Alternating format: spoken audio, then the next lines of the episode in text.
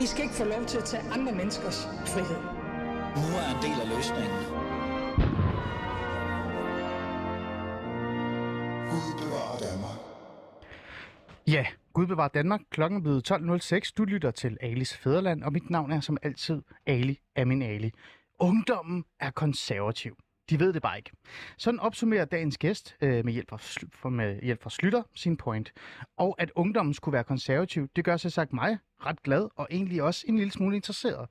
Men hvorfor ved, øh, altså, ved hun det, og hvor, hvorfor er det, hun siger overhovedet det her, den her gæst, jeg har i studiet? Det vil jeg gerne sådan lidt øh, pille i, øh, dvæle lidt over og tale med dagens gæst, som er den eneste gæst i studiet. Så det er blevet tid, kære lytter, til at lige sætte sig tilbage, sætte sig til rette, og så gå igennem øh, en form for, hvordan ser det ud med, øh, med det hele i fædrelandet. Det er faktisk det, vi skal gøre i dag.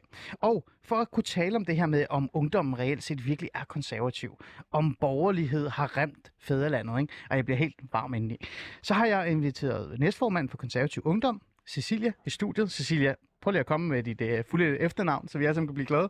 Jamen, mit navn er Cecilia Sardi Seni. Velkommen i studiet, Cecilia. Øhm, du er jo med, ikke fordi du bare er konservativ, og du er næstformand for konservativ ungdom. Du er også medlem af moderpartiet, Konservativ mm. Folkeparti. Men du er faktisk i studiet, fordi du har skrevet den her klumme, som har den her, øh, hvad kan vi sige, rubrik eller mm. overskrift. Der er en stor del af den unge generation er konservativ. De ved det bare ikke endnu. Yep. Øhm, det er jo en interessant klumme. Og det gør jo i- super interesseret i at bare reelt set spørge dig, hvornår du fandt ud af, at du var konservativ. Øh, så skal vi ikke starte med at lige høre, hvorfor du selv reelt set er borgerlig? Jamen, jeg tror egentlig, at jeg fandt ud af, at jeg var konservativ i en relativt ung alder. Jeg øh, har gået i 8. eller 9. klasse, og øh, har på det her tidspunkt i lang tid været interesseret i, øh, i politik og i samfundet. Jeg er ikke øh, den, øh, den stereotype konservative, fordi at, øh, jeg er vokset op med en far, der hedder Mohammed, og øh, er vokset op primært med en, med en enlig mor i øh, noget, der sådan godt kan betegnes som et socialt boligbyggeri. Øh, så det er jo ikke der, man forestiller sig, at øh, konservativ ungdoms næstformand er vokset op. Men øh, ikke desto mindre, jeg tror, noget af det, der har gjort, at jeg er blevet konservativ, det er først og fremmest, at jeg har set, hvor langt man kan komme med hårdt arbejde, på trods af, øh, hvem man er og hvor man kommer fra. Min far er øh, født og opvokset i Makedonien, og kom til Danmark som flygtning øh, i hans øh, teenageår, Mm. øh, og begyndte hurtigt at arbejde, og jeg har i dag sin egen virksomhed. Og jeg tror, det han ligesom har lært mig, det er, at, at uanset hvem du er, hvor du kommer fra, hvis du arbejder hårdt nok, øh, jamen så, så skal du nok blive belønnet, så det er ikke staten, der behøver at føre dig frem, øh, som jo måske lidt mere den her øh, socialdemokratiske, socialistiske tankegang, at, øh, at alle skal have hjælp af staten. Der mener jeg mere, at staten kun skal hjælpe dem, der reelt set har brug for hjælp. Hmm. Øhm, og, og det synes jeg, at mine, mine forældre er et godt eksempel på, så det tror jeg egentlig meget sådan tidligt, jeg lærte af, af dem. Og det er jo også en, øh, en, en kernekonservativ idé. Og så tror jeg bare altid, at øh, familiepolitik har fyldt meget for mig, eller i hvert fald familiens rolle. Øh, og jeg har altid drømt om sådan en stor øh, kernefamilie. Det er jo også en meget øh, konservativ ting. Så jeg tror bare, at der var mange ting i konservatismen, som appellerede til mig. Og øh, med de ord, så tænker jeg sådan, at vi har fået sådan en lille indblik i, hvem du er, øh, Cecilia. Det er jo rimelig, rimelig vigtigt. Bare lige øh, super sådan irriterende, men hvor gammel er du? Jeg er 22 år gammel. Og hvad laver du lige nu egentlig? Jamen, øh, udover at være næstformand for konservativ ungdom, så læser jeg International Business and Politics på CBS og arbejder i Dansk Industri. Super borgerlig. Ja. og nærmest konservativ også i det. Ærketypen. Øhm, nu vil jeg jo gerne tale med dig om andet end bare at være konservativ. Fordi Mhm. der er, øh, altså den vigtigste grund er jo netop det her med, at ikke at øh, ungdommen er generationen af ungdom er konservativ, men at du faktisk har visioner. altså du har reelt set en drømme for, for fædrelandet, for samfundet. Du har nogle visioner, du har nogle idéer, du har nogle tanker om, hvordan samfundet skal være. Det er faktisk hovedgrunden til, at du sidder her over for mig i dag. Øhm, men før vi dvæler ned i det, og før vi sådan altid starter den samtale, så vil jeg lige sige, at øh, kære lytter, som sagt, ligesom altid, tak fordi du lytter med. Jeg bedte dig om, at du skulle sætte dig til rette og læne dig tilbage og lytte til den her meget interessante samtale med en meget, meget interessant person fra det borgerlige Danmark, fordi der netop er nogle visioner og nogle tanker bag det her menneske. Det er ikke bare rundt øh, tomsnak fra en eller anden pamflet. Men du er jo også velkommen til at deltage i samtalen. Du har også del- lyst til, altså hvis du har lyst til at stille spørgsmål til Cecilia, hvis du har lyst til at kommentere det, hun siger, så kan du altid skrive ind, ligesom du altid gør, på vores øh, telefonnummer, som du kender. 92 øh, 45 99 45, 92 45 99 45, eller også så kan du skrive øh, til mig direkte, eller eventuelt til, øh, til Cecilia. Hun kigger nok ikke på det lige nu, men det kan være, hun læ- læser det bagefter. Men skriv endelig ind til os øh, med spørgsmål eller kommentarer, hvis der skulle være noget. Men jeg vil jo gerne have fokus på dig i dag, øh, Cecilia, fordi det er, jo, det er jo interessant at høre det her med, øh, at du selv er er konservativ, eller i hvert fald borgerlig og konservativ, og du ser det faktisk som en helt naturlig del af din opvækst. Ja. Øhm, kan man sige, at du kommer fra lavere kår? Mm, det tror jeg øh, kommer meget an på, hvordan man, man ser det. Jeg har jo ikke selv følt, at det var øh, lavekår, og jeg tror også, at min mor ville blive meget, meget sur, hvis jeg, øh, hvis jeg formulerede det sådan. Øhm, men som sagt, altså, jeg tror ikke, at min opvækst er det, man typisk forbinder med konservative, særligt ikke øh, unge konservative. Så tror jeg mere, man tænker øh, stort hus i Nordsjælland og øh, Mm. Mm. sådan kernefamilie med, med pærdanske forældre. Det er jo ikke rigtig mig, kan man sige. Nej. Men man skulle jo tro, at, at øh, når man kommer fra den baggrund, du har, eller mm. i Mm. hvert fald det, og, og du er ung, og, og unge er rebelske, og sådan, du ved, øh, kampen mod øh, strukturen, og kampen mod alle de her ting, så vil Mm. man jo altså, nærmest øh, altså, automatisk øh, klokke ind i venstrefløjen. Øhm, kan du huske mm, sådan første gang, eller anden gang, du reelt set mødte de her, de her visioner, eller de her drømme fra venstrefløjen? Jamen, jeg tror, øhm, at øh, at det er jo noget, man møder meget tidligt i sin ungdom. Og jeg kan da også godt huske, at jeg var den første i min omgangskreds, der overhovedet beskæftigede sig med øh, politik og, og ungdomspolitik. Jeg meldte mig i en konservativ ungdom i 9. klasse. Mm. Så på den måde, så øhm, var jeg jo meget tidligt ude, og der var der også mange, der kommenterede på det. Jeg kan særlig huske, at min, min samfundsfagslærer og min dansklærer, de stak det lidt til mig. Øh, Var det og- overrasket af det, du siger, eller var det sådan Ja. lidt bekymret nærmest? Altså, min samfundsfagslærer vidste nok godt, at jeg var øh, højorienteret, og det vidste Ja. min dansk lærer godt. Man skriver jo kronikker og debatindlæg og sådan noget fra en meget tidlig, eller i hvert fald... Gjorde du det? I, jamen, nej, men det gør man jo også i skolen. Mm. Øhm, I dansk, der skal man jo lære at skrive et debatindlæg i 8. og 9. klasse, og der tror jeg da ikke, at min, min lærer var i tvivl om, at jeg var konservativ. Mm. Men jeg tror ikke, at det var sådan noget, man forventede fra sådan en som mig. Nej. Men øh, mit spørgsmål var jo også øh, i virkeligheden, øh, kan du huske første gang, du mødte den her? Nej, ikke sådan konkret. Altså, jeg kan godt huske overraskelsen, eller sådan, øh, at der blev stukket lidt til det, men jeg kan ikke huske sådan konkrete første møde. Okay, nej, okay, godt. Øh, jeg kan huske det. Jeg kan huske første gang, jeg sådan reelt set stod over for en, der var ekstrem venstrefløj Mm. øh, øh, type.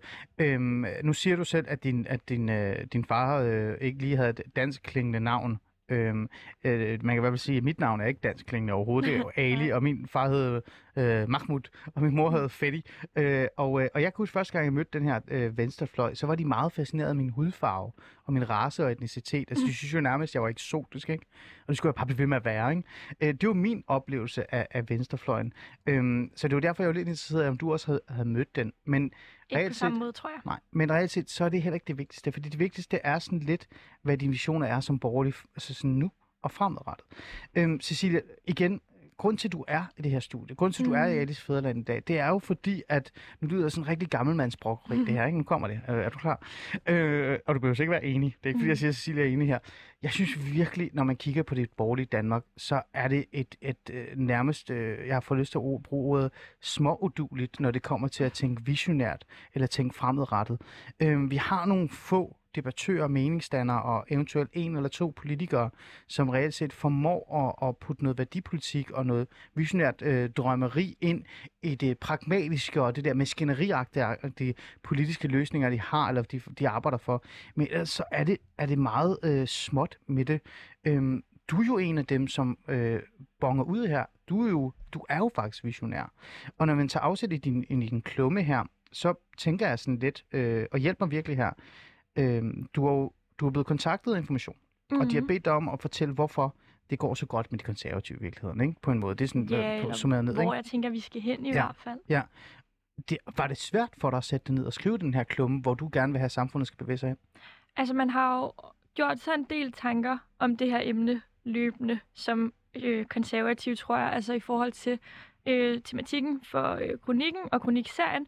Hvor skal det konservative Folkeparti hen, nu hvor vi reelt har en chance for at blive statsministerparti. Og der, øh, der tror jeg da, at de fleste unge konservative har en idé om, hvad det konservative Folkeparti skal være. Jeg kan selvfølgelig godt afsløre, at det ikke nødvendigvis alle sammen er... Øh, altså, det er ikke den samme idé, vi alle sammen har, men jeg tror da, at vi alle sammen har en, en idé om det. Øhm, så for mig at se, så var det egentlig ikke, fordi det var øh, den, den store udfordring. Det var jo nogle tanker, jeg havde gået med længe, mange af dem. Mm. Men hvis vi lige lægger konservativ folkeparti bare en lille smule til side, jeg ved godt, mm. det måske er lidt øh, svært, men jeg tænker også, det er også noget, du også selv gerne vil sådan nogle gange sige mm-hmm. højt, at du er andet end konservativ folkeparti. Det var i hvert fald det, du sagde til mig, da, før vi kom ind i studiet. Bestemt. Øhm, så er det jo ikke reelt set kun drømme for konservativ. Det er jo drømme for, for det samfund, Bestemt. du lever i. Ja. Øhm, mit spørgsmål var jo reelt set til dig, synes du, det var hårdt at, sætte det ned og skrive et ord på, hvordan du gerne vil have, at samfundet skal være? Mm, nej, det synes jeg ikke. Hvordan tror du så, hvorfor tror du så, før vi reelt går i gang med at snakke om, hvad din drøm er, hvorfor tror du så, det er så svært for borgerlige politikere i bund og grund bare at være fire sekunder visionær øh, i, i de ting, de taler om? Øh, fordi det, altså, det, der er jo ikke meget af det, ikke? Vi har Henrik Dahl, som øh, tænker værdipolitik og har en drøm om, hvad, hvilken samfund skal være i ny og næ. Rasmus Jarlov fra det konservative Folkeparti dukker op nogle gange og siger noget, men så stikker han af igen, øh, og det er jo også fair nok i sig selv. Men så er det sgu, så bliver det lidt småt, ikke? Med hvem altså, der jo reelt set er derude. Og når vi tænker på de borgerlige øh, debattører, øh, vi kan tage Fønsmarkprisen, Mm. øhm, det ser da okay ud, men det ser også tyndt ud, med al respekt. Så hvorfor tror du, at det er så svært for resten af de borgerlige at sidde og skrive noget, som du faldt helt naturligt? Det, det, det synes jeg er meget svært at svare på på vegne af, af andre. Man kan sige, når man sidder i, i Folketinget, så er der jo også andre parametre, altså sådan parlamentarisme, det her med, at man skal forhandle sig frem til nogle, lø- til nogle løsninger, som man jo skal have et flertal for, for at det kan gå igennem. Øhm, så der er man jo nødt til at være en del mere øh, kompromissøgende og øh, løsningsorienteret end mig, der sidder som, som ungdomspolitiker reelt set og øh, bare kan slynge mine visioner ud til højre og venstre. Men Henrik Dahl er jo folketingsmedlem for det konservative, eller for ikke konservative, det er, er nogen, det er nogen, der vil ønske, ikke? For Liberal Alliance, han har ikke svært ved det. Rasmus Jarlov er jo øh, medlem af konservative folkeparti. Han kommer der ud med nye, nye nogle visioner. Når man Mhm. kigger på, øh, hvad hedder det, for eksempel kandidaterne, ikke? altså statsministerkandidaterne, Mhm. der er ikke mange visioner fra, øh, fra Ellemann eller Søren Pape Poulsen for den sags skyld. Det, det, det skal jeg ikke kunne udtale mig om. Altså, jeg, øh, jeg er ikke folketingspolitiker, så jeg kan ikke tale på vegne af, af, af folketingspolitikere. Men du sidder her som ung, borgerlig, konservativ. Mm. Silvia, ikke? Og, og jeg bliver ved med at sådan holde fast der, for jeg synes faktisk, det er interessant. Øhm, drømmer du ikke lidt om, at du har nogle politikere, der er lidt drømmende ligesom dig? Vil du ikke, sidder du ikke og håber Jo, på, at de reelt set kunne være det? have politikere med visioner, men man vil også godt have, altså for mig at se, drømmepolitikeren er jo en politiker, der kan begge dele. En politiker, der både kan udlægge de store visioner, men også en politiker, der kan finde ud af at samarbejde for at opnå de her visioner. Fordi det nytter bare heller ikke noget, at man sidder og skriger et eller andet i en eller anden kronik eller en eller anden klumme som politiker, hvis man så ikke også går ind og arbejder for de, for de løsninger. Og dem, der råber højst, er jo ikke nødvendigvis altid dem, der kæmper mest for de bedste løsninger. Men det er også meget godt at vide, hvorfor man kæmper en kamp, ikke? Jo, naturligvis. Godt. Ved du hvad, jeg skal nok stoppe. Jeg skal nok stoppe. Jeg er bare, jeg er bare nysgerrig, fordi jeg sidder også her nogle gange og tænker, og jeg synes jeg jo selv er rigtig god til at reflektere lidt indad, øh, Silja. Jeg sidder også og tænker sådan lidt, er det bare mig, der er sådan lidt bitter og lidt træt og lidt irriteret? Er det mig, der sådan reelt set gerne vil have, at, at der, der er flere politikere, som er visionære, eller, eller er der andre? Og, og så var det jo meget godt lige at kigge på dig og sige, ved du hvad, nu har jeg inviteret en person i studiet, som faktisk viser de her øh, dyder, som jeg efterspørger. Og så er jeg jo bare nysgerrig, om du selv har de samme. Øh, men du virker sådan lidt mere, og det skal nok gå, Ali. Agtigt. Ja, altså, jeg, jeg er ikke så bekymret for øh, udviklingen øh, i det konservative folkeparti. Det, okay, i hvert fald ikke konservativ folkeparti. Til borgerlig Danmark synes du, det går helt super godt. Det, det, Okay, Cecilia, prøv at, jeg skal nok, jeg skal nok stoppe med øh, at, at drille dig her. Skal vi, øh, skal vi gå i gang med din øh, kronik i stedet for? Jamen, det, det kan vi godt. Godt.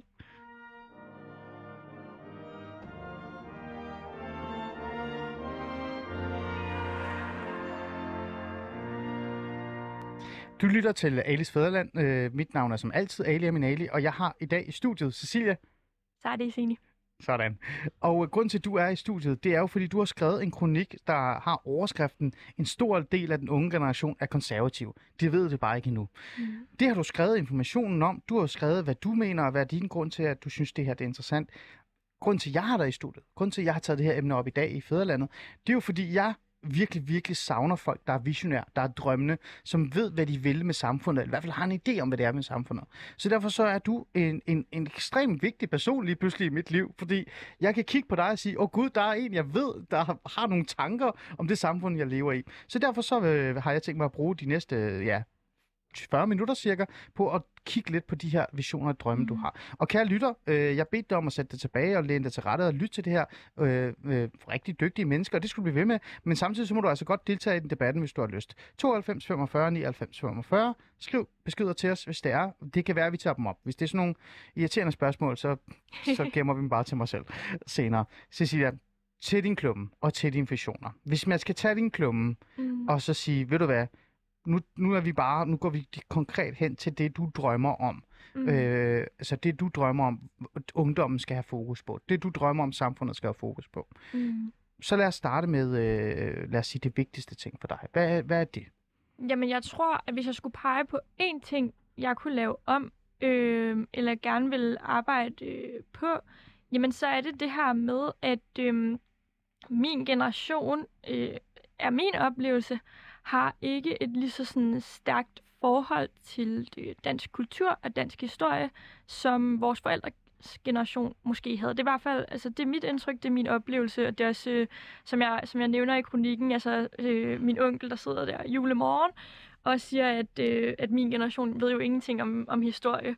Hmm. Øh, Lad os lige få den historie, fordi vores lyttere har, har jo ikke... Øh, ja. det, jeg tænker, Fæderlandets lyttere er ikke dem, der lige umiddelbart læser information. Nej, De er måske det mere på være. den, på den borgerlige side. Fortæl den der historie der. Jamen altså, øh, som sagt, jeg sidder øh, julemorgen sammen med min mor og min onkel og min tante og min fætter øh, og øh, spiser morgenmad.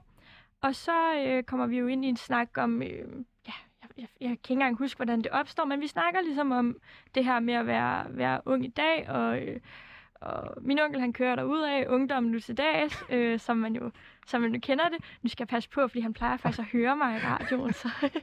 men, øh, men jeg synes faktisk, han havde nogle virkelig gode pointer. Mm. Fordi, øh, som han siger, øh, min generation, øh, vores generation, den unge generation i dag, har ikke øh, så vanvittigt stort et forhold til dansk kultur og dansk historie. Mm. Øhm, og vi ved ikke nødvendigvis særlig meget om det, i hvert fald sammenlignet med, hvad mit indtryk er, at mine forældre og mine onkler og tanter ved om mm. det.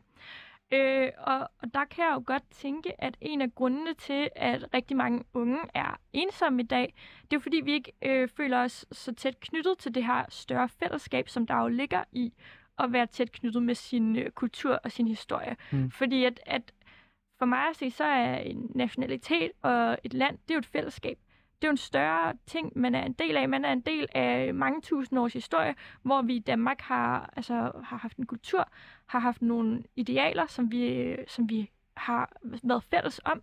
Øhm, og det er vi måske ikke i lige så høj grad mere. Det er i hvert fald ikke noget, man mærker i sin hverdag mm. mere. Øhm, og vi er jo på vej i, i tusind forskellige retninger. Det er jo i og for sig egentlig også fair nok. Men de her øh, kulturelle ting, den her historie, som normalt binder os sammen, binder os ikke nødvendigvis sammen i, i samme grad, som, mm. øh, som den måske gjorde engang. Øhm, hvis man skulle nævne øh, tre ting, som du synes er øh, lige præcis det, der kan binde os sammen, hvad skulle det så være? Altså tre sådan kulturelle ting? Ja, for eksempel. Altså, øh, når jeg siger, når, når folk spørger mig om, hvad er det, der binder majoritetssamfundet sammen, sammenhængskraften og sådan mm. videre, så, så kan man altid snakke om alt muligt ja. noget, øh, ja, men så skal man passe på multikulturalismen og bla bla. Det kan man også gøre, det skal man også gøre, og gud dog, ellers så bliver det hovedet. Men sådan noget som en fodboldkamp, hvor man, hvor man mm. for reelt set står sammen og, og ikke er øh, bange for at have Dannebro rundt om sig, og man ja. hylder øh, det her flag, som vi er så, burde mm. alle sammen være så stolte over. Det er en ting for mig, for eksempel. Så hvis ja. du skulle nævne øh, en ting eller to, som, som du tænker, ungdom på en eller anden måde nærmest har glemt eksisterer, men som kunne hjælpe dem med at få den her fælles følelse, hvad skulle det så være? Altså, en ting er jo traditioner. Øhm, danske traditioner. Øhm, men en ting er ligesom at deltage i de her traditioner, noget andet er at vide, hvor de kommer fra. Hvad ah, kommer de af? Okay. Og det er da også noget, jeg nogle gange sådan selv kan sidde og tænke om, hvorfor er det egentlig, vi fejrer det her? Hvorfor er det, vi er fælles om det her? Fordi det også måske nogle gange er noget, jeg selv har manglet en forklaring på. Mm. Øhm, så det synes jeg, der er en ting. Hvorfor går vi i kirke til jul? Hvorfor betyder det så meget? Øhm, så det, det, det synes jeg i hvert fald er, er, er en ting, vores, vores traditioner. Så lad os prøve at slå ned på den. Øh, Tror du, grund til, at, øh, at øh, den her generation, øh, hvad, to, tre, fire måske endda generationer nu, øh, mangler øh, den her fælles forståelse, den her fælles følelse, tror du, det er fordi, at de reelt set ikke får den dannelse, som de burde reelt set have med sig? Altså i folkeskolen, mm. i gymnasiet. Altså den her historiefortælling om, at hvad vi er rundet af, hvad Danmark mm. står for, hvorfor er det, vi går, vi, vi går i kirke, hvis vi går i kirke? Mm. Hvorfor vil vi reelt set holde jul? Altså er det fordi, at øh, Coca-Cola opfandt øh, julemanden, der gjorde om rød, eller er der en anden historie? Jamen, du tager jo øh, ordene ud af munden på mig, Ali. Altså, Jamen, så, ja, jeg, ja. synes, jeg synes bestemt, at, øh, at dannelse er et helt vildt vigtigt aspekt af det her, og øh, det er jo ikke fordi, vi overhovedet ikke får nogen dannelse i folkeskolen, men jeg synes på nogle punkter ikke nødvendigvis, at den er, den er tilstrækkelig. Øhm, nu gik jeg på øh, en folkeskole, hvor, at, øh, hvor det jo egentlig var noget, der betød ret meget for vores lærer. Det var noget, jeg kunne mærke havde høj prioritet, men sådan er det jo ikke for alle. Og selv jeg øh, føler, at jeg mangler noget dannelse. Jeg godt vil have vidst mere, jeg godt vil have hørt mere, at det godt måtte have fyldt mere. Mm. Og for mig at se, handler øh, kulturpolitik rigtig meget om dannelse. Det handler faktisk rigtig meget om undervisningspolitik. De to ting er tæt forbundet mm. i mine øjne. Så hvis jeg sådan skulle komme med en konkret løsning på den her udfordring, og det kan jo være rigtig, rigtig svært, men hvis jeg skulle komme med en konkret løsning, så synes jeg, at man skal kigge på folkeskolen, og jeg synes, man skal kigge på, hvor meget fylder dansk kultur og historie egentlig. Hvad er det for nogle krav, vi sætter til, øh, hvad det er, der bliver, bliver undervist i. Og det er klart, at politikere skal jo ikke gå ned og detaljstyre undervisning. Det er jeg jo også meget imod. Men jeg synes godt, når man kigger på, hvad er pensum, hvad er læringsmålene, det er jo sådan noget, man sidder og arbejder med inde i ja. undervisningsministeriet. Der synes jeg godt, man kan sætte øh, større krav, højere ambitioner, at det kan fylde mere i, også i, i eksamenssammenhæng og sådan den slags, fordi mit indtryk er, og det kan selvfølgelig også godt være, at det, det er mig, der er forkert på den. Det er i hvert fald kun baseret på egne oplevelser, og ikke sådan noget fakta, jeg har foran mig. Men mit indtryk er, at det egentlig kun er de elever, der er meget sådan engageret i kultur, øh, og de der øh, ja. sådan 12-talspiger, som jeg måske selv var, som egentlig øh, fik et forhold til dansk kultur og dansk historie i folkeskolen. Mm. Og det var sådan lidt sekundært i forhold til øh, en masse andre ting, som selvfølgelig også skal fylde i folkeskolen. Og der synes jeg godt, at man kan sætte det højere på, på dagsordenen fra politikernes side. Tror du, grunden til, at den her øh, mere øh, altså fortæller øh, gen i lærerne, eller den her historiefortælling om, hvad vi rundede af, hvad vi, hvad vi dannede af, øh, at den måske glipper lidt i folkeskolen, tror du, grunden til det, det er, at, øh, at det ikke har nogen interesse? Øh, eller tror du, grunden til det, det er, at, man, at lærerne reelt set er begyndt at lytte mere til, hvad eleverne vil undervises i, end hvad de burde undervises i? Det synes jeg er et rigtig godt spørgsmål. Øh, nu er jeg jo ikke selv ikke selv skolelærer, synes det, det er selvfølgelig svært at svare på. Jeg tror, du har i folkeskole. Det har jeg bestemt, men det er faktisk også øh, nogle år siden efterhånden. Jeg tror, at, øh, at det ene er, at øh, det måske ikke har den store interesse fra elevernes side, og så kan det da godt være svært som, som lærer at skulle, øh, at skulle undervise i det og engagere i det. Øhm, men nu er det jo ikke eleverne, der skal bestemme, hvad der er på dagsordenen i folkeskolen. Mm. Så der synes jeg godt, man bare... Altså, kan sige, at det her er faktisk ret vigtigt, og jeg tror måske også, at grund til, at det ikke er alle, der hører efter, eller ikke alle, der engagerer sig i den del, det er, at man ikke forstår, og det er jo også, det har også noget med ens alder at gøre, når man går i folkeskole. Det gjorde jeg heller ikke nødvendigvis selv. Jeg var bare heldig, at jeg havde en dygtig dansk lærer, som virkelig formåede at, at engagere folk. Øh, men jeg tror ikke nødvendigvis, man forstår, hvor vigtigt det er at lære om dansk historie, og lære om dansk kultur i folkeskolen. Men det handler jo også om en lærers evne til at gøre det interessant. Mm. Altså jeg kan huske, at både min øh, dansk lærer i folkeskolen og i gymnasiet for eksempel har gjort meget ud af at øh, tage os med på museer. For ligesom at få os til ja. at opleve den her kultur. Sådan, så når du ser på et billede fra... Øh, fra romantikken, for mm. eksempel, mm. som jo er øh, en sådan tidsperiode i, i kunst og litteratur, jeg er ret vild med. Ja, man kan godt se, at du lyser helt op, når du siger det her, her i studiet. Øhm, så, så, så kom man ligesom ind på Statens Museum for Kunst og fik lov at se ja. øh, billederne, fik lov at stå foran dem og analysere dem sammen. Øhm, og det synes jeg gjorde meget i forhold til engagement, i stedet for bare at sidde og kigge på det på et stykke papir. Altså det gjorde det til en lidt større oplevelse. Så hvis man har nogle engagerede lærere, der kan se, hvor meget det faktisk betyder, jamen så tror jeg også, at, at man får nogle, nogle engagerede elever. Så jeg håber da, at det er noget, man måske kan, igen, hvis man nu sætter det højere på dagsordenen, hvis man nu øhm, gør det til en prioritet, at folk, altså at folkeskoleelever, alle folkeskoleelever kommer på museum mm. i det her forløb, jamen så tror jeg måske også, at, øh, at det for nogen vil betyde mere. Det håber jeg det i hvert fald. Det gør det i hvert fald for mig. Mm. Hvis vi holder fast i det her, øh, den her generation, og i hvert fald øh, de, det, det årgang, vi er i lige nu, ikke? Der, Mm. som er, handler om folkeskole og måske også starte gymnasie.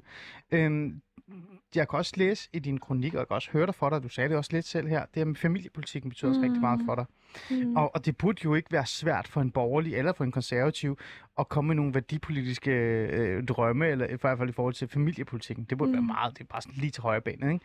i bund og grund. Hvis man skal kigge på det, og kigge på den generation, vi taler om lige nu, og den dannelse, Mm. som du synes måske mangler, som gør, at man bliver en del af fællesskabet. Mm. Føler du, at forældrene har noget ansvar her også, som de Helt måske sikkert. er gået glip af? Helt sikkert. Altså, fordi en ting er jo, at, at uddannelsessystemet selvfølgelig har et ansvar, men, øh, men som konservativ, så tror man jo også meget på den her generationskontrakt, ja. at man har en pligt til at give noget videre til de næste generationer. Både et- et bedre samfund, men også alle de værdifulde ting, man selv har fået med sig.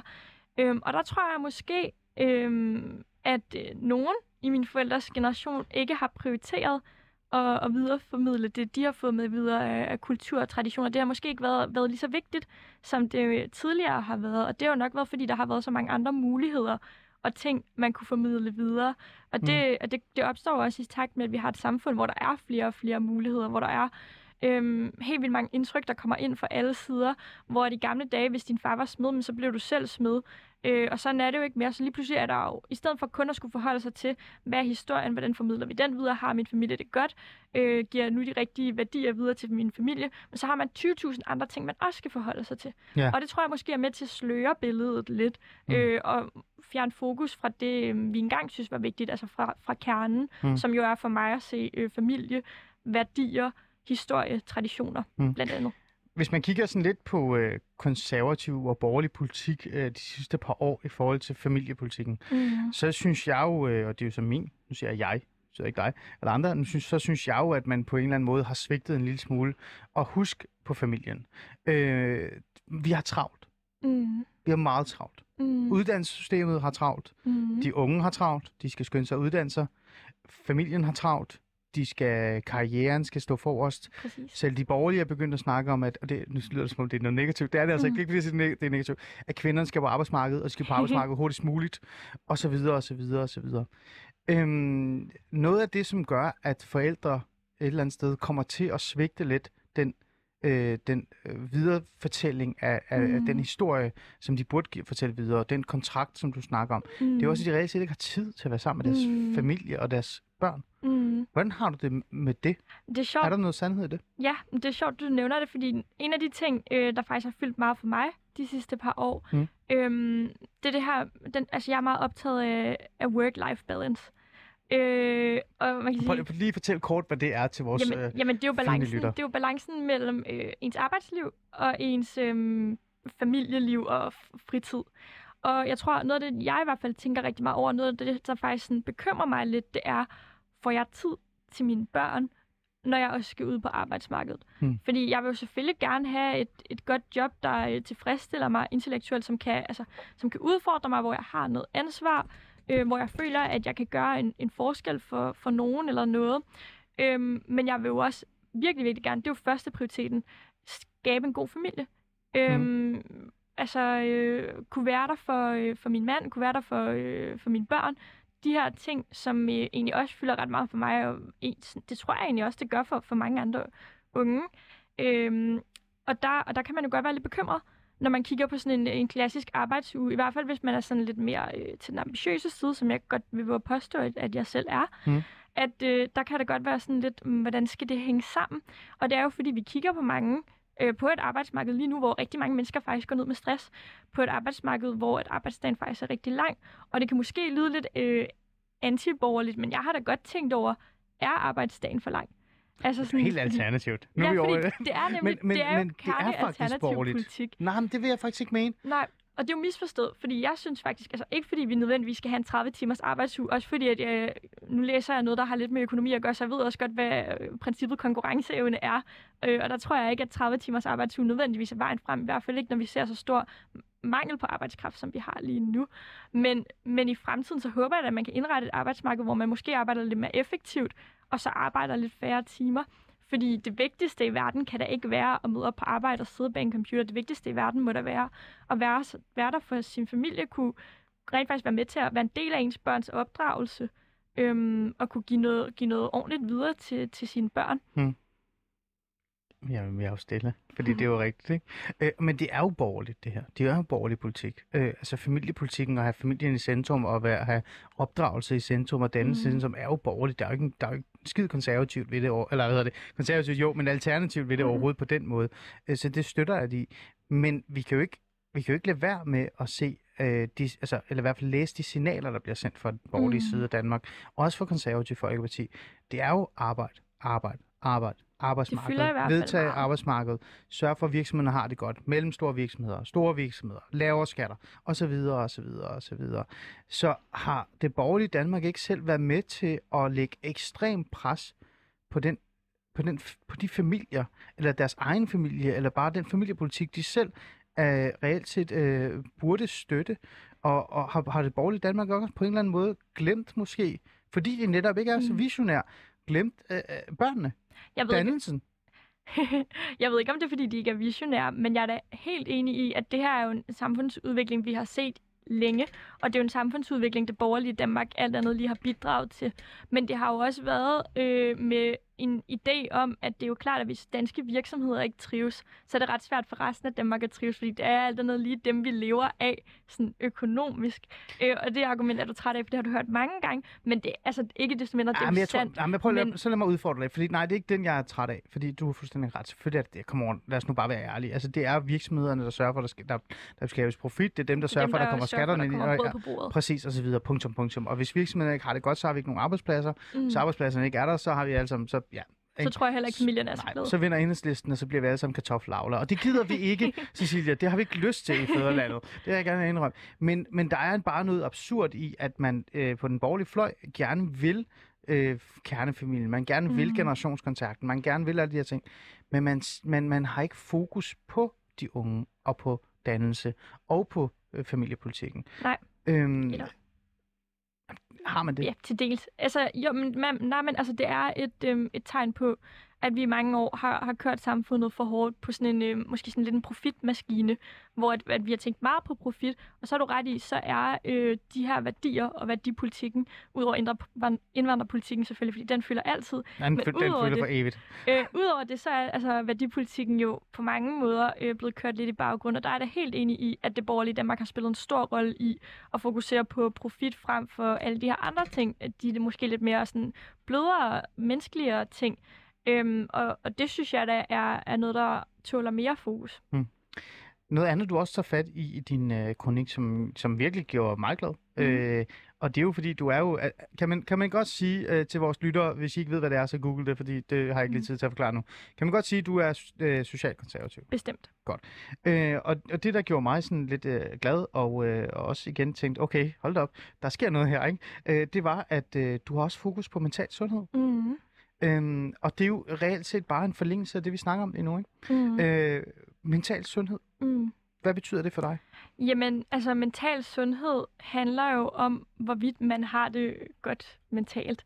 Øhm, og det ved vi jo også bare i dag, det er der jo rigtig mange mennesker, både unge og voksne, der ikke har. Øh, rigtig mange voksne især, der går ned med stress, og rigtig mange unge, som jeg også er inde på, der føler sig ensomme. Så det er noget, øhm, der fylder rigtig meget. Det er også noget, øhm, der fylder meget i den politiske debat, men det er også en dagsorden, som jeg, altså i mine øjne, at venstrefløjen har ret meget patent på. Øh, og i hvert fald issue-ejerskab over. Øh, og det synes jeg egentlig er ret ærgerligt, fordi i mine øjne, som vi også var inde på tidligere, så kommer meget af den her ensomhed jo egentlig af, at mange af os ikke føler, at vi er en del af et større fællesskab, at vi mangler den her fællesskabsfølelse. Der synes jeg, at, at konservatismen bidrager med noget ret unikt, både i forhold til det her kulturelle fællesskab, som man som konservativ gerne altså, vil sætte fokus på, og som jeg også godt synes kan fylde mere i konservativ politik. Mm. Øhm, og, og altså sådan noget, der jo fylder meget, øh, når man er konservativ, det er også meget det her med civilsamfund, de lokale fællesskaber, Ja. som jo også måske i virkeligheden tåler, tåler mere, øh, mere fokus. Du, øh, du er jo faktisk meget direkte Mm. øh, i din øh, kronik. Øh, jeg prøver at få dig til at være lidt direkte i forhold til øh, lidt kritik af det borgerlige Danmark her. Nu, du, du, er sådan lidt, du er god til at ikke være 100% med på den vogn, men i din kronik, der skriver du jo, Det konservative Folkeparti svigter ungdommen og dermed også familierne, når Søren Pape på talerstolen til partiets landsråd reducerer den mentale sundhedskrise til et spørgsmål om spildt mælk og knuste hjerter i skolegården. Det var du meget skuffet over. Øh, for mig, når jeg læser det her op, så virker det ikke som en så sympatisk øh, øh, person over for ungdommen og de problemer, du, øh, de slås med. Jeg tror også, det handler meget om, hvordan man forstod det citat. Øhm, hvordan man forstod det, Søren sagde, fordi Men føler du, at, at øh, Søren Pape Poulsen og øh, en stor del af den borgerlige Danmark svigter øh, de unge, når de stiller sig op og siger, at vi har det faktisk rigtig skidt? Når de siger til dem, gå hjem og tag en tudegik nærmest. Det er jo det, det, det, Og- det, det, var, nærmest det, det, var han siger. ikke, det, var ikke, det var ikke nødvendigvis det, han sagde. Øh, men jeg synes da godt, at vi kan prioritere det højere. Helt sikkert. Det synes jeg godt. Og det, det, er, det har jeg jo også sagt. Hmm. Øhm, jeg synes, at øh, mental sundhed skal fylde mere, også på den konservative dagsorden. Øh, og jeg tror, at vi har meget stor berøringsangst over for det her med øh, psykologhjælp og gratis psykologhjælp. Hvorfor har vi egentlig det, ja? Det vil jeg faktisk det vil jeg gerne spørge, fordi du har fuldstændig ret i, at venstrefløjen nærmest har taget patent på at tale om, om sundhed, altså mental sundhed, ikke? Mm. Altså de der bløde sociale problemer, der er i samfundet, der er det nærmest som om, at øh, venstrefløjen har sådan en idé om, at de ejer dem alle sammen. Men, men det gør de jo ikke, fordi det er jo meget nemt. Altså jeg har jo Mm. talt vanvittigt meget om social, øh, øh, sociale problemer, sundhedsproblemer, øh, psykisk sygdom. Mm. Altså det er jo egentlig, det jeg kan huske dengang, jeg har jo været tidligere kandidat for Konservativ Folkeparti, det er sagt, jeg er ikke medlem af partiet længere overhovedet, jeg er overhovedet ikke øh, politisk aktiv, men da jeg stillede op som øh, kommunalvalgskandidat, øh, kandidat, så det første, de spurgte mig om, hvad vil du gerne have på dit, øh, det der, ja, partiting, ikke? Mm. Øh, dit label, eller hvad det er. Øhm, det var, det var faktisk mental sundhed. Mm. Det var ikke in- integration eller indvandring eller noget. Så sådan, psykisk sårbarhed, Mm. psykiatrien, det er det vigtigste for mig, fordi det er en kerneborgerlig ting at værne om. Mm. Men hvorfor siger du så, at det virkelig... Altså, det er jo sådan noget, der nærmest skaber angst i dem, når man gerne vil tale med dem om det. Ja, mm, jeg tror, at årsagen til, at, at, øh, at der er noget berøringsangst omkring det her med for eksempel øh, gratis psykologhjælp og prioritering af psykiatrien, det er jo fordi, at man som konservativ som udgangspunkt har den holdning, at staten kun skal hjælpe dem, der virkelig har brug for det.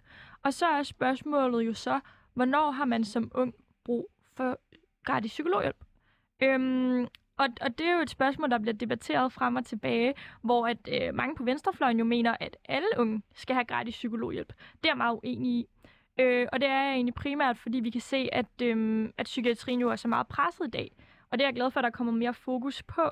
Øh, fordi det, at, det er som om, at, at det har man ikke helt været opmærksom på. Men i dag, hvis du skal have øh, gratis psykologhjælp som, som ung, hvilket man jo godt kan få, jamen så skal du vente øh, 6-12 måneder. Hvis du har fået en henvisning fra din læge, så skal du vente ret længe. I hvert fald øh, 6 måneder, sådan som jeg kan forstå det. Og, Op til et år eller to endda ja, nogle gange. Det, ja, Altså de der små, øh, det er bare sådan et, et, øh, det er jo en af de store problemer, det er, hvis du reelt set virkelig, virkelig, virkelig har brug for hjælp. Mm. Altså Mhm. nu taler jeg om, øh, nu nævner du det her med psykologhjælp, men hvis du faktisk slås med en diagnose, mm, hvis du virkelig har det, skær, for eksempel bipolar eller Mhm. andet, øh, så skal du faktisk næsten vente til et år, før du begynder at kan få behandling, for der er ikke nok pladser. Øhm, vi har i hvert fald meget presset psykiatri. Ja. Men, men det er jo lige til at forstå. Mm. Altså undskyld, det er jo lige til at forstå. Øh, men, men du siger bare, at det, øh, det, det er sådan lidt, det er stadig lidt svært. Tror du, det handler om det her med, at man som borgerlig, så kan man nærmest ikke, det spurgte jeg jo også i vores tidligere øh, øh, hvad hedder det, gæst, som også var inde i forhold til det her emne øh, en anden dag, det er noget tid siden, mm. det er ligegyldigt, hvem det var, for nu skal være fokus på dig. Men tror du, det er fordi, de borgerlige i Danmark er sådan lidt bange for at sige, hvis vi siger A, ja til at gøre sundhed vigtigere i vores øh, politik, mere fokus på alle de her ting, så kommer vi også til at sige, at vi elsker velfærdsstaten. Og det kan man jo ikke. Man kan jo ikke som borgerlig være fan af velfærdsstaten, for det er jo socialdemokratisk osv. Er der noget af det? Jeg tror i hvert fald, at man som borgerlig er meget påpasselig øh, med at sige, at vi skal tilføre flere penge til... Øh, ja, Velfærd... Du kan ikke engang sige ordet. Nå, men jo, ja, ja, jeg tror, at du har en pointe. Altså, jeg tror, man er meget påpasselig med at vil tilføre flere penge, fordi at flere penge betyder jo også øh, mere i skat. Øhm, Åh, oh, gud dog. Ja. Og så går verden under jo. nej, nej, men det er jo ikke borgerligt, fordi at en del af familiepolitik... Er det, for, er det ikke borgerligt at, at betale, så de svageste i samfundet kan få et støtte og hjælp? Jo, det er det. er jo så, skat, kan vi det diskutere, så kan vi diskutere, hvem er de svageste i samfundet. Og det er jo der, at nogle borgerlige nok er uenige. Ja. Fordi at jeg mener jo, at, at de unge, der har det rigtig dårligt, er blandt de svageste i samfundet. Men så er spørgsmålet, det er jo også det, der måske er lidt svært med psykiatri, det er, at du ikke på samme måde, du kan i hvert fald ikke se på nogen, Ja. der har det psykisk dårligt, at de har det psykisk dårligt. Så det kan være rigtig svært at sidde og skulle give flere penge til de her mennesker, fordi hvor går grænsen mellem kærestesorger og svær depression? Hmm. Nogle gange kan det ene jo godt føre til det andet. Og, og hvad så? Altså, skal man så bare gå hjem og snakke med mor og far, eller skal man have noget hjælp? Ikke? Og det kan vi jo godt diskutere. Der vil jeg jo mene, at når man begynder at få det rigtig, rigtig dårligt, så skal man jo have noget hjælp, og så kan man ikke vente 6-12 måneder på hjælp. Og det er jo der, at vi skal turde sige, jo, okay, så Ja. opprioriterer vi psykiatrien. Ja, og det, prøv at høre. Kæmpe støtte herfra. Men, men du er jo netop en af dem, som, øh, som reelt set tænker tre skridt længere end de andre. Undskyld. Men sådan er det. Det synes jeg, du er. Så derfor så bliver jeg nødt til sådan at igen at, at lige holde fast i det her. Det her med velfærdsstaten og velfærdspolitik og velfærds... Øh, øh, altså sådan et... Øh, undskyld mig, altså er vi ikke enige om, at vi alle sammen i Danmark er rimelig glade for, at hvis vi slår os, så kan vi gå på hospitalet og få hjælp? Præcis. Er du det? Meget. Er du glad Ikke for, hvis du har det skidt? ofte, nej, nej. men- Altså, hvis, hvis, du, hvis der sker noget, ikke? Mm. Er vi ikke enige om, at vi alle sammen kan godt kan lide den her sikkerhedsnet? Bestemt. Sidst jeg kan huske, så var Poul Slytter også rimelig glad for sikkerhedsnettet. Ja, men Ja. han er også en god social konservativ. Han var så god selv. Ja, så hvorfor er det, det er så svært for borgerlige at bare sige, prøv at høre her, bare fordi vi taler om velfærdssamfundet, øh, og vi taler om hele det her med, hvordan vi kan styrke velfærden, så betyder det ikke flere penge. Det kan også betyde, at vi skal justere, vi skal mm. forbedre, at vi skal reelt set gå ind og sige, her har vi et problem. Vi har en stor procentdel af unge, som lider af psykisk sårbarhed, som har angst, som har problemer. Vi bliver nødt til at bruge penge her, fordi hvis vi ikke investerer i vores ungdom, så står vi jo med øh, øh, et arbejdsmarkedsløst problem eller et eller andet videre og videre. Vi har, hvis vi kommer til, det her kommer til at koste os vanvittigt mange penge på bundlinjen. Ja. Hvorfor, det er så, hvorfor er det så svært for en borgerlig person at tænke sådan? Jamen, jeg er meget enig med dig. Altså, jeg tror bare, det er svært, at politik er sådan, at man ikke nødvendigvis øhm, tænker så mange år frem i tiden, fordi at, mm, at, at det er ikke nødvendigvis det, man sådan vinder på lige nu. Altså, man kan sige, øhm, det, der, det, der skaber stemmer, og det er jo desværre også sådan, politik er, det er jo desværre også sådan, demokrati er, at, at politikerne selvfølgelig øh, har et ideologisk kompas, men de har også et kompas, der hedder, hvor mange stemmer kan jeg sikre. Og det, der skaber stemmer nu og her, er ikke nødvendigvis at sikre, at, øh, at unge har det godt, eller de unge, der er unge nu, har det godt om, om 20 år, fordi så langt tænker man ikke nødvendigvis. Og jeg tror, at de unge, der går op i mental sundhed, vil ikke nødvendigvis stemme konservativt alligevel. Det håber jeg jo, de vil, specielt hvis vi opprioriterer det. Jeg, jeg, Men hvis tror, man jeg tror, de ville gøre på- det, hvis man gjorde det. Ja. Altså, Men hvis man sidder inde på partikontoret, så er det jo ikke nødvendigvis sådan, man tænker. Øhm, så det er jo også en af, en af problemerne med politik. men det er jo, at, at man... erkender du, det er et problem? Altså, fordi Jeg synes, Undskyld, jeg, jeg, jeg tror ikke, det, åh, det, det er jo også borgerligt, det her konservativt. Mm. Jeg tror ikke, det var sådan her øh, for, for nogle år siden. nej, Jeg tror, de sidste par år, lad os sige 5 til seks år, der er dansk politik, især på den borgerlige side, blevet meget, meget mere øh, strategisk anlagt. Mm. Det handler ikke om, hvad man kan drømme om, men det handler om, hvad man kan måle på. Mm. Ja, men altså, det tror jeg da, du har en pointe i. Man kan sige, for seks år siden var jeg 16 år gammel, så jeg er måske ikke den bedste til at lave sådan et sammenligningsgrundlag af, hvordan det- var det nu- dengang, og hvordan er det nu. Nu siger jeg det ikke. ikke? Men, men, men jeg, det, det kan da godt være, at, at, at det er forklaringen. Det er jo svært at sige.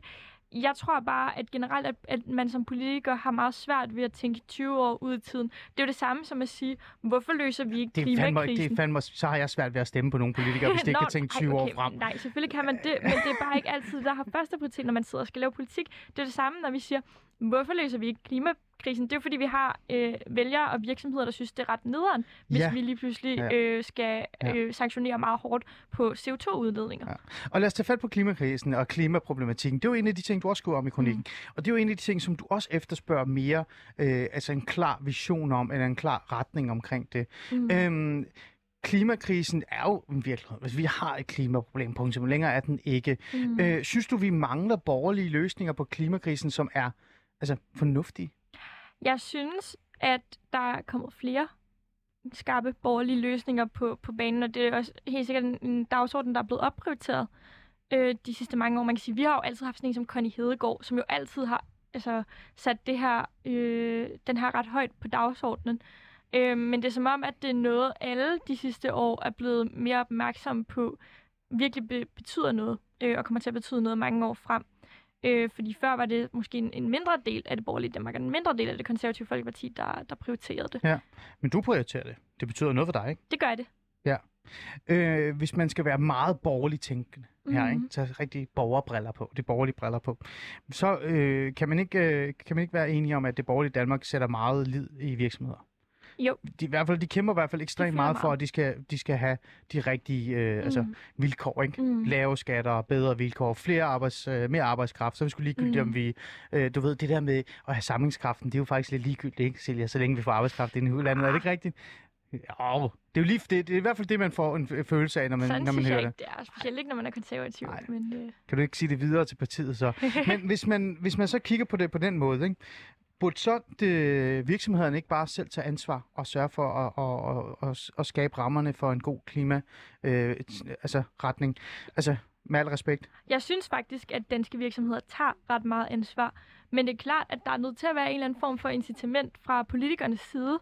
Altså, mm, som politiker er man nødt til at skabe et incitament til at øh, som virksomhed at omlægge sin produktion, fordi det er meget omfattende at skulle, Jo, jo, men som, altså, altså, med- særligt som øh, produktionsvirksomhed. Jo, jo, men når man ved, at man har kæmpet for virksomheder i utallige år som borgerlig, er det så ikke på tide også, at man som borgerlig siger, nu har vi gjort alt, hvad vi kunne for jer i så mange år med alt, alt så mange forskellige politikker. Nu må I også gøre noget for samfundet, for velfærden. Så må I også tage en ekstra skat, og I må også øh, smide nogle øh, penge ind i det her produktion, så det kan blive mere grønt. Fordi det, vi har jo et vi har jo et ansvar. Vi har jo alle sammen et ansvar. Vi har jo et generationskontrakt, vi skal løbe op til. Selvfølgelig skal vi sætte krav til virksomhederne, men vi er også nødt til at gøre det gunstigt for virksomhederne.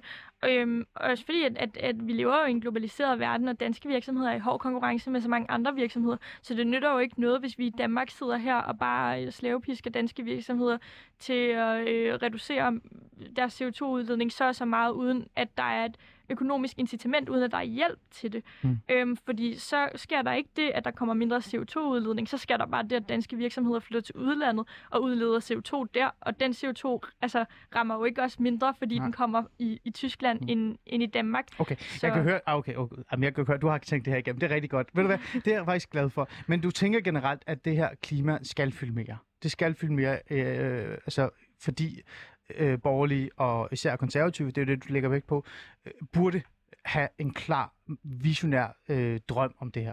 Jeg synes, jeg synes, klima skal fylde mere. Jeg synes, det er dejligt, at det allerede øh, er begyndt at fylde mere. Altså, vi har jo set en positiv udvikling i, hvor meget klimapolitik fylder for, for borgerlige partier, og, og det har jo altid været vigtigt for det konservative Folkeparti. Men jeg er glad for, at det fylder endnu mere. Øh, og jeg tror bare, at vi er nødt til at erkende, at hvis man virkelig gerne vil løse klimakrisen, så kan man ikke sidde over i hjørnet som venstreorienteret og piske virksomhederne til døde. Så er man nødt til at finde en løsning sammen med dansk erhvervsliv. Og der er det borgerlige Danmark jo faktisk nøglen til det her, fordi det er også der i så mange år har tradition for at samarbejde med erhvervslivet, så jeg tror faktisk ikke rigtigt, det kan lade sig gøre uden os. Ja. Så, øhm, og det er jo også derfor, det er ekstra vigtigt, at det også er på vores dagsorden. Tror du, de kommer til at lytte til det, du lige siger lige nu, i forhold til klimapolitikken? Tror du reelt set, at der er... Du siger, at det er begyndt at løsne op, det er blevet bedre, mm. som du siger. Men øh, altså, Det, det er mit indtryk, at, at de gør det. Det er mit indtryk, at de gør det. Og øh, man kan sige, for eksempel fra Dansk Industris side har vi jo også lige været ude med... åh, nu reklamerer man for sin arbejdsplads. Og så stopper vi hvor det. Ej, sig hvad der er, med, med, med, med et nyt udspil, øh, hvor man netop øh, kommer med nogle forslag til, hvordan at, at vi kan øh, sørge for, at virksomhederne res- reducerer deres CO2-udledning øh, på, på en måde, som ikke, øh, som ikke ødelægger deres forretningsmodeller. Og der synes jeg da, at, øh, at politikerne må, burde lytte til, til erhvervslivet. Det, I kan se der, jeg gik bare væk fra, ka- øh, fra mikrofonen og lod uh, Cecilia reklamere lidt for sin arbejdsplads, så, så hun også kan gøre en eller anden chef glad. Det, det er også vigtigt. Det er også vigtigt, ikke? Altså repræsenterer mange danske virksomheders interesser. Cecilia, du er jo i studiet, fordi at du netop er visionær. Du er netop drømmende, og det er jo det, jeg et eller andet sted konstant efterspørger for det borgerlige uh, Danmark. Det er sådan lidt, jeg synes del med, at, de er, at det er blevet mekanisk, og det er blevet uh, sådan maskineriagtigt, og vi savner virkelig at vide, hvad fanden det er, de vil med Danmark. Hvad er det, de vil med mit samfund? Hvad er det, de kæmper for? Man kan ikke sige, at man ikke ved, hvad du kæmper for, Cecilia. Øhm, hvordan blev din øh, kronik mødt? Jeg synes, den blev mødt øh, rigtig positivt. Øh, også mere positivt, end jeg måske havde, øh, havde forestillet mig. Fordi at jeg var jo inde over mange forskellige ting, kan man sige, men det, der egentlig betød mest for mig, var også det, jeg oplevede fik, fik mest opmærksomhed, og det var det her med, hvorfor er min generation øh, så ensom? Hvorfor er der så mange af os, der har det dårligt? Det er nok, fordi det kulturelle fællesskab øh, fylder væsentligt mindre, end, Mm. mm. end, det har gjort i, altså, end det har gjort før i tiden. Og det er noget, der har ligget mig på sinde længe, så jeg var rigtig glad for, at, at det var noget af det, folk også blev mærke i. Jeg blev mærke i, at der var også øh, en del konservative politikere og øh, borgerlige debattører, som roste øh, din klumme øh, meget og, og delte. Øh, og så øh, er jeg jo sådan en rigtig typisk idiot, ikke? Og det vil jeg gerne handle om. Fordi jeg synes, det var fedt, du, blev, det, du fik så meget ros. Jeg synes, det var fedt, du fik så meget øh, du ved, sådan, øh, omtale, og den blev delt, og jeg ved ikke hvad. Men samtidig så jeg tilbage og tænkte, hvor er det egentlig, øh, hvor er det egentlig ærgerligt, at der sidder så mange øh, prominente og, og, og magtfulde mennesker og liker øh, Cecilias kronik. Hvorfor er det, de ikke selv skriver kronikkerne, Cecilia? Det sad jeg tilbage med. Havde du ikke også lidt bare en lille smule af det i dig? Det ved jeg ikke. Altså, det var ikke øh, den øh, tanke, jeg sad tilbage med. Man kan sige, på den ene side, altså Søren Pape har jo også selv deltaget i den her kronikserie. Øh, så det er jo ikke, fordi han ikke selv ude, er ude at skrive kronikkerne. Øhm, en af de andre Vi dele, kan godt sætte den op en for en, og så se, hvem der er mest visionær. Skal vi gøre det? det, det kan Jeg jeg, ved- jo ikke jeg ved- rigtig ej. bedømme, kan man sige. Nej, det var også faktisk øh, Øh, men men øh, altså, øh, for eksempel øh, Anne-Sophie Hermansen øh, delte også min kronik. Ja. Og øh, det betød rigtig meget for mig, fordi hun var faktisk også en af grundene til, at jeg i sin tid fandt ud af, Mm. at jeg var konservativ, fordi hun jo længe har skrevet om, om kulturpolitik, om Mm. det her øh, kulturelle fællesskab. Øhm, Mm. og, og det, der fylder i, i den del af det borgerlige Danmark, så det synes jeg faktisk, der synes Mm. jeg faktisk, hun har været god til at være visionær. Mm. Jeg har lige to spørgsmål til dig. Den ene er fra Josefine ude i regien, som virkelig gerne vil, at jeg skal stille dig et spørgsmål. Så det skal vi nå. Så det tager vi lige her øh, først. Ikke? Øhm, lad mig lige kigge her. Øh, det hun efterspørger i virkeligheden, det er lige, spørg hende lige, Ali. Kan man ikke være god borgerlig og stadig mene, at vi betaler passende skat? Det kan man da helt sikkert. Okay, så det er ikke nul skatter. Nej, nej, nej, nej. Det, det, giver jo ikke, altså, det, kan, det kan jo ikke hænge sammen. Hvorfor vil I så alle sammen sænke skatten hele tiden? Det er Øhm, det opfølgende spørgsmål, der fordi- kommer fra regien. Fordi at øhm, hvis man sænker skatterne, så giver man familierne mere bedre mulighed til selv at bestemme, hvad de gerne vil bruge deres penge på. Rigtig borgerligt sagt. Smukt. Øh, her til sidst, sidste, sidste spørgsmål, før vi runder af. Mm. Øhm, det her med, at vi snakker om, at der er dannelsen, kulturpolitikken, værdipolitikken, mm. familiepolitikken, sådan nogle ting. Vil du give mig ret i, at det er en debat, som det borgerlige Danmark øh, burde deltage meget mere i? Ja, det er en debat, det borgerlige Danmark burde deltage mere i. Tror du, det kommer til at ske? Tror du, vi kommer til at opleve andre end Cecilie i informationen, der reelt set forholder sig til familiepolitik, værdipolitik, øh, øh, dannelse, øh, opdragelse osv. osv.? Altså, det har vi jo allerede. Øhm, men det tror jeg, det håber jeg i hvert fald, at man kan sige. Jeg ved, det er noget, der fylder meget for os unge konservative. Ja. Så man ikke, at den, øh, Ja. den får lov at fylde i mange Jeg er ikke så glad for det der med at give unge mennesker øh, ansvaret for det hele, men jeg får ærligt talt helt lyst til at gøre det, Cecilia, i dag Åh, efter men i om dag. nogle år, så er det jo også der har ansvaret for det hele. Og du Så. prøv at, så ung er du altså heller ikke. Det er jo ikke, fordi du står en 17-årig over for mig. Altså, men jeg kan godt lide, at du bliver med at køre på det der unge label. Øh, det, det synes jeg er rigtig fint. Øhm, Siger du til mig, at jeg er blevet gammel? Cecilia, tak fordi at du vil være i, i studiet med mig i dag og hjælpe mig med sådan et eller andet sted at, at gøre op lidt med min bitterhed. Ikke? Fordi det er også det, i bund og grund handler om. Jeg bliver ved med at være ærlig og sige til mig selv også, jeg skal også huske mig selv, øh, måske er det for meget at kræve, at vores politikere og meningsdannere og debattører, når de sådan brokker sig over noget, at det ikke kun er brok. Altså, mm. at det ikke kun er et respons til minkskandaler og sms-kronikker. altså, øh, det skal jeg selvfølgelig huske på. Det ved jeg godt. Du siger til mig, at der er nogen, der er visionære derude. Øh, men jeg kan ikke undgå at sidde tilbage og sige, jeg vil ønske, der var flere som dig. Og det må du jo passe tage som en ros. Er det ikke øh, fint? Jamen, jamen tak. Der er ikke mere, det er det sidste ord, du har at sige. jamen, tak fordi jeg måtte være med. Det har Kommer- været spændende. Kommer du, til, kommer du til at skrive lidt mere omkring det? Kommer du til, altså Cecilia, kommer du til at holde fast i det her med, at, at du prøver at udvikle lidt, øh, hvad det er at være borgerlig, og hvordan man sådan reelt set burde være sådan visionærtmæssigt i forhold til et samfund? Eller tror du, du også, jamen, så har jeg gjort det, jeg skulle, og så hopper du tilbage til din, til din maskineriplads? Bare kort. Det er da helt sikkert noget, der, der stadigvæk fylder for mig, og nok kommer til at, at fylde i en del år fremadrettet, så må ikke, at, øh, at det kommer på dagsordenen igen på et tidspunkt fra min side af. Så vi kan forvente lidt flere kronikker om, om, om hvordan samfundet skal se ud. Jeg vil da gerne skrive noget, hvis folk vil bringe det. Det er godt. Cecilia sagde det. Isane, Is, Isane, Sarte Isane. Jeg kan ikke sige dit efternavn. Det er sådan der. Tak fordi du ville være med. Det var en fornøjelse at have dig i studiet. Tak, Og, og jeg vil holde fast i at, øh, at lave sådan en lille række serier omkring det her med, at man reelt set, der findes borgerlige i Danmark, der er Mm. visionær. Ude i regien, Josefine, tak fordi du vil øh, hjælpe mig med at køre igennem det hele. Nu er der nyheder.